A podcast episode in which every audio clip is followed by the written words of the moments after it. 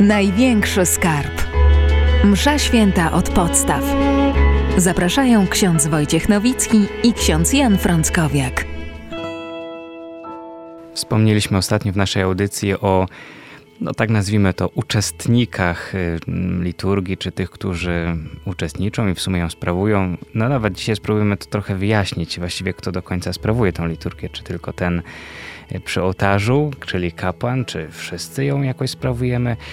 Ale zanim, to powiedzieliśmy ostatnio o kościele chwalebnym, o kościele y, pokutującym, czy oczyszczającym się, czy o duszach czystowych i o tym kościele pielgrzymującym, czyli nastu widzialnych i dzisiaj chcielibyśmy się zająć tymi y, dwoma niższymi rzędami kościoła, y, czyli właśnie czyścowym i pielgrzymującym. Ksiądz dr Jan Frąckowiak przy mikrofonie zwarty i gotowy żeby nas wprowadzić w tajemnicę liturgii. Ksiądz Wojciech Nowicki postaram się towarzyszyć w tym wprowadzaniu. Szczęść Boże. Szczęść Boże. No Witam właśnie, drugich naszych słuchaczy. To te dusze czyścowe, to jak mhm. to jest? Bo one tak w sumie korzystają trochę z naszej modlitwy, no bo modlimy się za zmarłych przecież.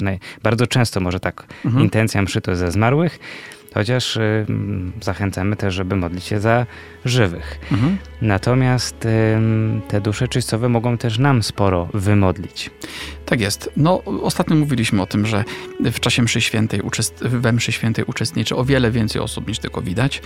Y, mówiliśmy o kościele chwalebnym, czy świętych, Matce Bożej i tak dalej, ale y, też możemy wspomnieć króciuteńko, że msza święta jest też y, wydarzeniem w którym jakoś, w który jakoś zaangażowa- w które jakoś zaangażowane są dusze czyścowe, czyli osoby, które już umarły, jak to mówimy, ale równocześnie jeszcze się oczyszczają, czyli nie są jeszcze gotowe, żeby wejść do chwały nieba.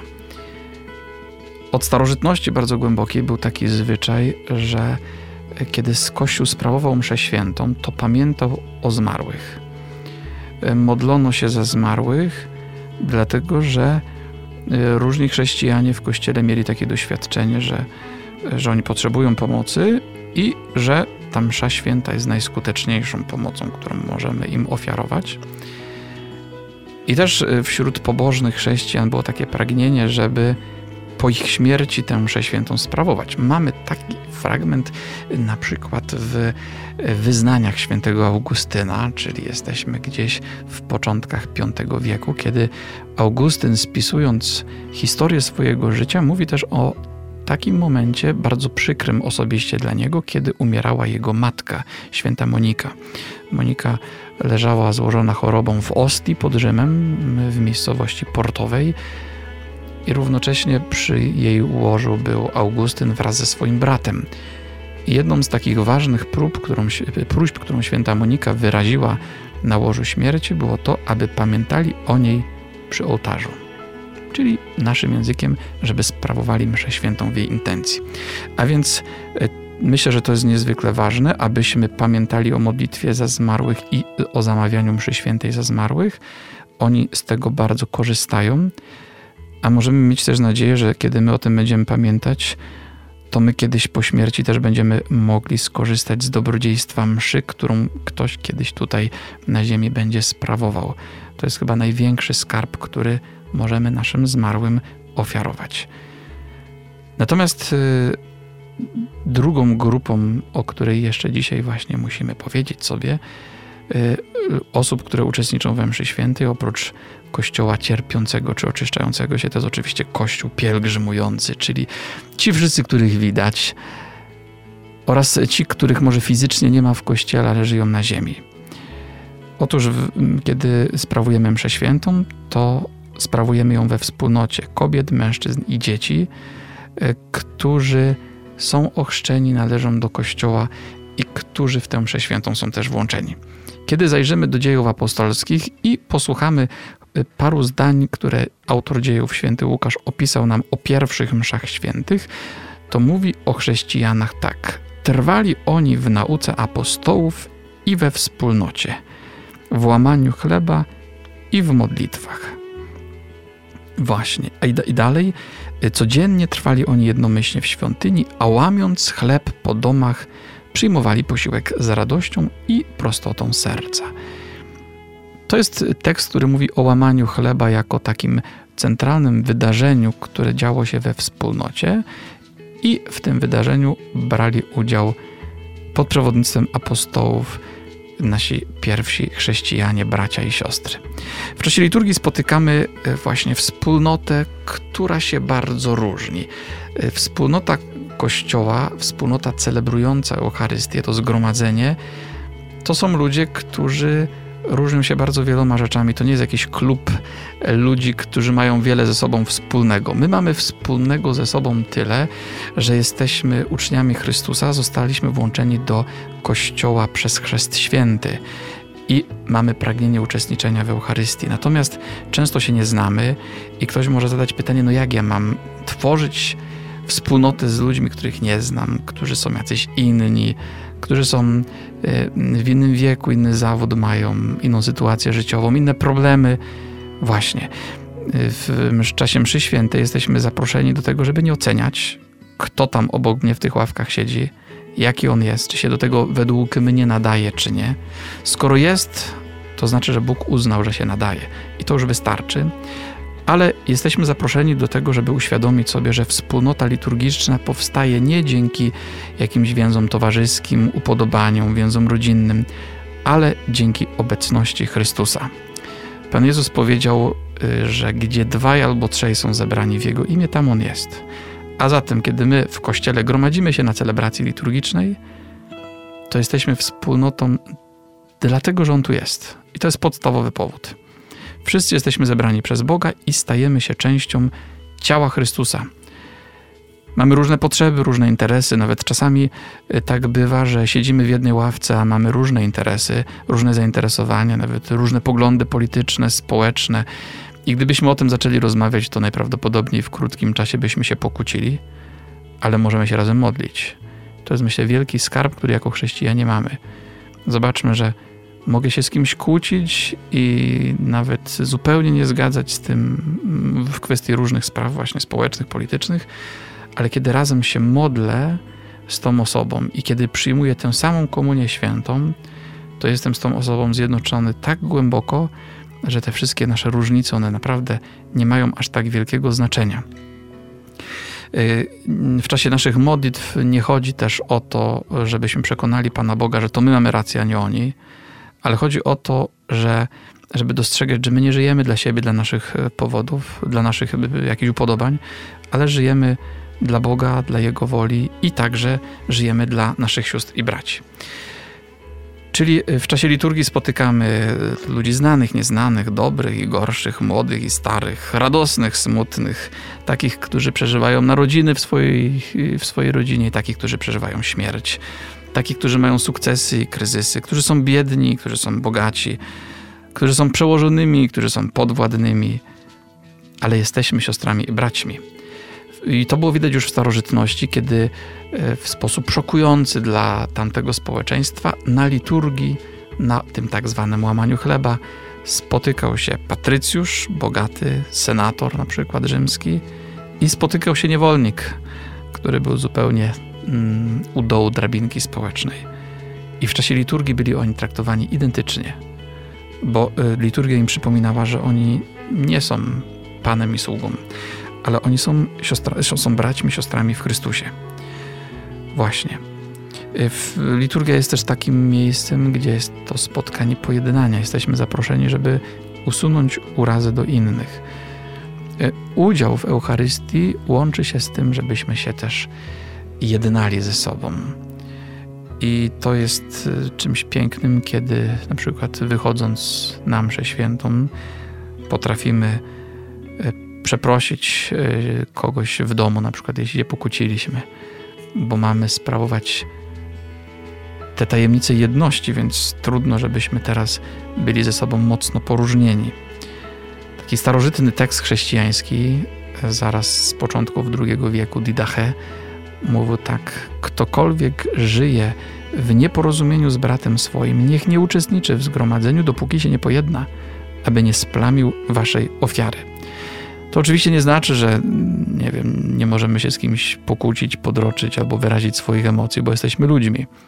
Ale chodzi o e, taką decyzję woli, że nie chcemy nawet jak nie do końca to potrafimy, żyć w niezgodzie.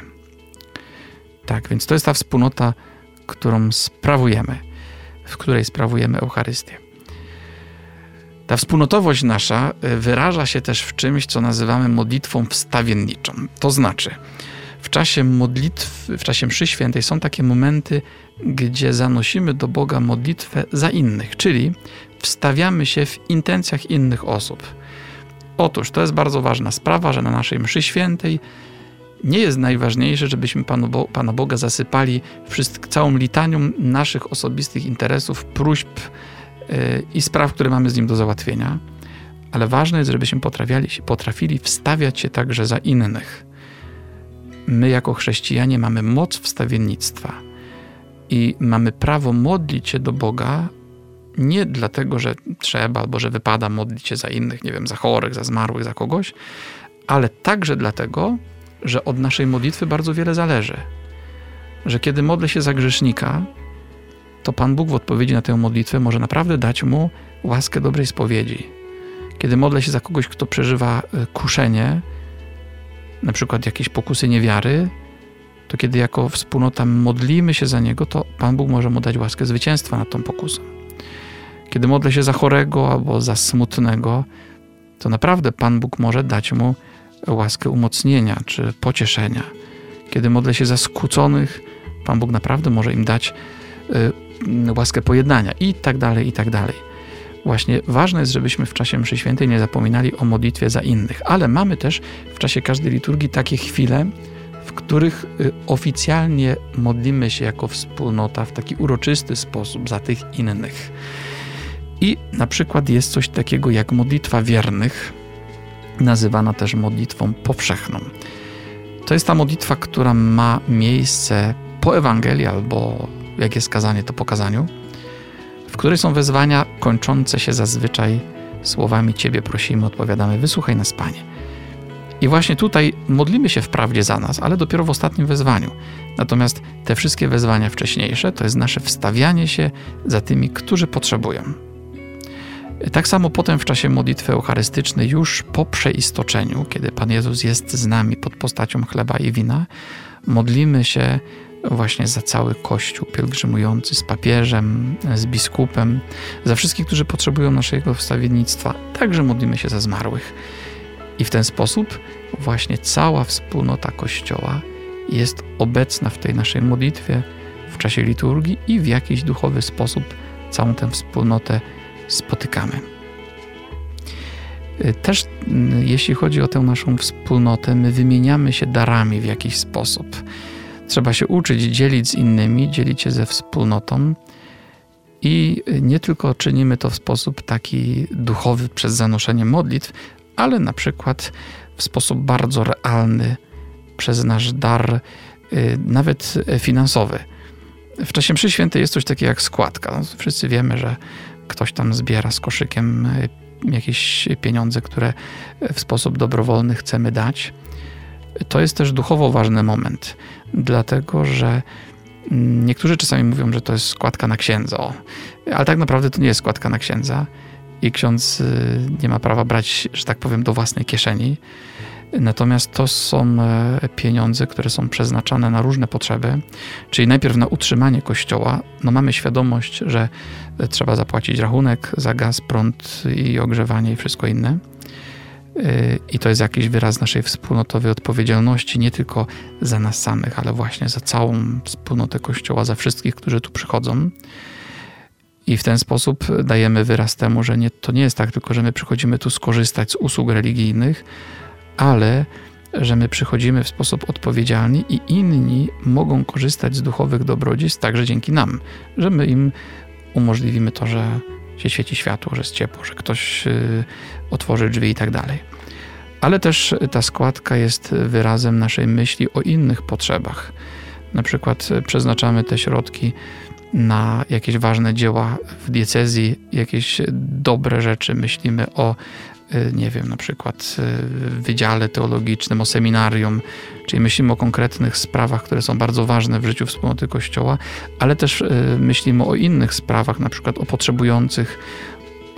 Przekazujemy środki na Caritas, który organizuje jakąś pomoc dla osób, które doświadczają jakichś mm, właśnie potrzeb na ofiary powodzi, katastrof, wypadków, na misję.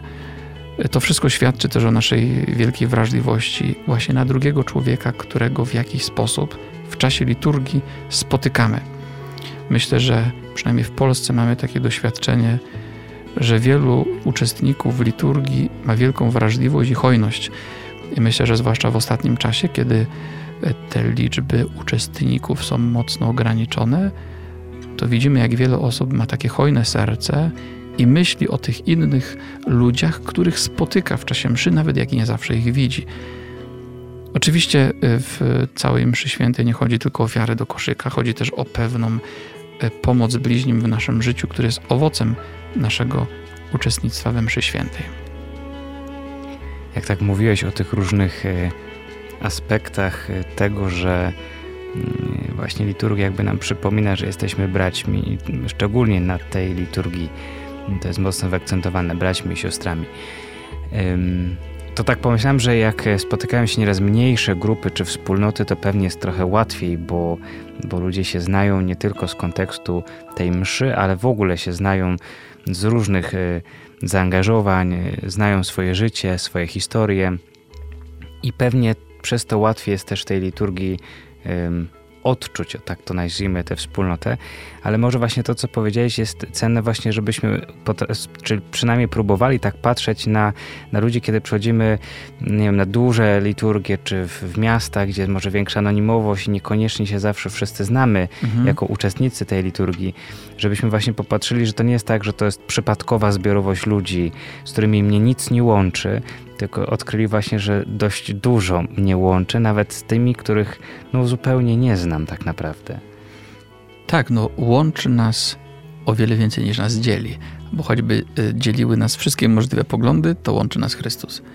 I to jest, y, myślę, ważna sprawa, którą trzeba też budzić y, sobie w sercu, kiedy celebrujemy mszę świętą to kiedy mówimy o tym zgromadzeniu i o księdzu, który mu przewodniczy, bo właściwie tak dzisiaj mhm. często mówimy, że ksiądz przewodniczy, celebruje, sprawuje ofiarę, mm, to kto właściwie ją rzeczywiście sprawuje, tak? To znaczy to kto ten, odprawia mszę? Kto odprawia mszę właśnie? Mhm. Ksiądz czy wszyscy?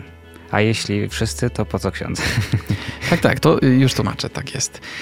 Jeśli chodzi o mszę świętą, mm, możemy powiedzieć tak, że Wspominaliśmy kiedyś, że celebransem głównym jest tak naprawdę e, Pan Jezus, jest Jezus Chrystus, bo to jest Jego ofiara i to jest Jego uczta. Ale e, katechizm też zwraca uwagę, że celebransem jest w ogóle Bóg w Trójcy Świętej. To mówiliśmy o tym na poprzednim naszym spotkaniu. Ale jeśli chodzi o ten widzialny Kościół, o tę wspólnotę, która fizycznie, że tak powiem, w danej świątyni jest, to oczywiście my zazwyczaj mówimy, że ksiądz odprawia mszę. Nawet czasami, jak ktoś przychodzi do domu i uczestnicy czy członkowie rodziny pytają, kto dzisiaj miał, a dzisiaj miał tam ksiądz wikariusz albo ksiądz proboszcz mszę świętą. On odprawiał mszę. Ale warto sobie zdać sprawę z tego, że Eucharystia jest wydarzeniem, które jest celebrowane przez całą wspólnotę, czyli wszyscy, którzy w niej biorą udział, w jakiś sposób ją celebru celebrują. Dlaczego? Dlatego, że na mocy chrztu wszyscy mamy udział w kapłaństwie Chrystusa i istnieje coś takiego jak kapłaństwo powszechne, czyli kapłaństwo chrzcielne inaczej właśnie. To znaczy, każdy z nas dzięki temu, że został ochrzczony, może sprawować kult w imieniu całego świata. I dlatego, kiedy wchodzimy do kościoła, to zaraz przy drzwiach jest kropielnica.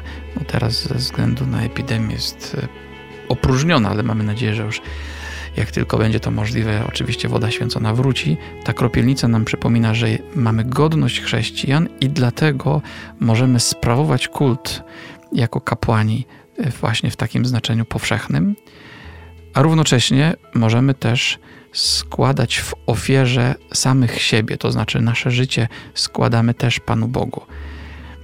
Natomiast yy, jaka jest różnica między nami wszystkimi, którzy jesteśmy na mszy świętej i którzy celebrujemy Eucharystię, a księdzem, o którym przyzwyczailiśmy się mówić, że on przecież odprawia mszę świętą. Otóż ksiądz, tak samo jak każdy z nas, ma udział w kapłaństwie powszechnym, ale na mocy święceń ma udział w kapłaństwie, które się nazywa kapłaństwem urzędowym albo hierarchicznym, czy jeszcze inaczej ministerialnym, czyli związanym z jakąś posługą. Y, I chodzi tutaj o to, że wspólnota sama z siebie nie jest zdolna do sprawowania mszy świętej.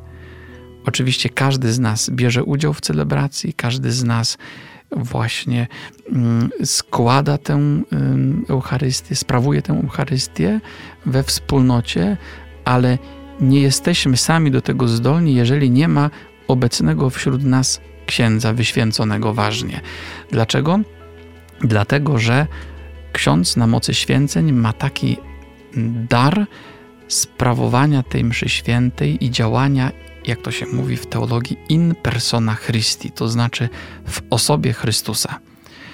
Kiedy patrzymy na księdza w czasie mszy, kiedy słuchamy tego, co mówi, to widzimy, że on wypowiada słowa, których nikt z, in, z uczestników liturgii nie może wypowiedzieć. Mówi: Bierzcie i jedzcie, to jest ciało moje.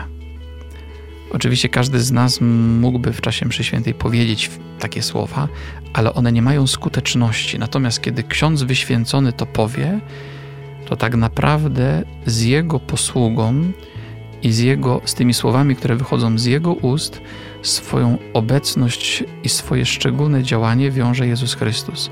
I to tak naprawdę On staje pośród tej wspólnoty i posługując się tym kapłanem, On sam bierze ten chleb i wypowiada: Bierzcie i jedzcie, to jest ciało moje. To On składa e, Ojcu w ofierze samego siebie, a posługuje się do tego właśnie tym księdzem, którego widać. A więc możemy powiedzieć tak: my wszyscy sprawujemy Eucharystię, ale sami jako wspólnota nie jesteśmy zdolni, jeżeli tej wspólnocie nie przewodniczyłby wyświęcony kapłan, czyli ktoś, kto jest złączony z kapłaństwem Chrystusa za pomocą święceń i kto może działać w jego osobie. Tak to można w paru zdaniach z, wypowiedzieć, myślę, o, omówić. Myślę, że możemy tutaj dodać jeszcze e, ten element, e, to słowo czyli sukcesja apostolska. Ona się, mówiliśmy o tym przy, w przypadku biskupa, mhm. to znaczy, że gdybyśmy tak szli, cofali się, może tak cofali, kto święcił biskupa, który został właśnie wyświęcony i tak byśmy w tym łańcuszku się cofali, to byśmy doszli do apostołów. Czyli, że ci mhm. biskupi, którzy są wyświęceni, są, y, mają to pochodzenie, tą, tą moc, y, y, tą, ten, no, na moc święceń. Od, Pewną świętą duchową władzę. Tak właśnie, tak od mhm. apostołów.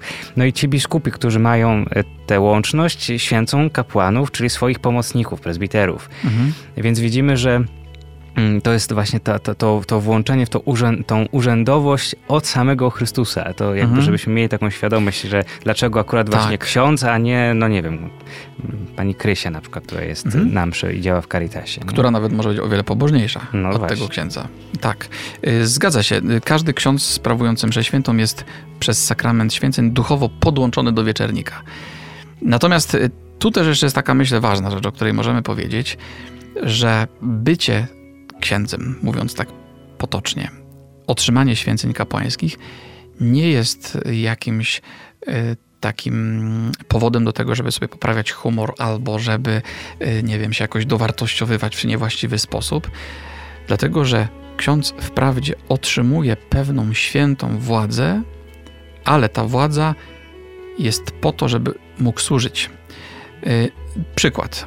Kiedy ksiądz sprawuje mszę świętą otrzymuje, otrzymał władzę do tego, żeby mógł przewodniczyć tej mszy świętej i tylko on może w tej parafii to, tego, tego dokonać, ale on ma obowiązek korzystać z tej władzy po to, żeby służyć siostrom i braciom, którzy przychodzą.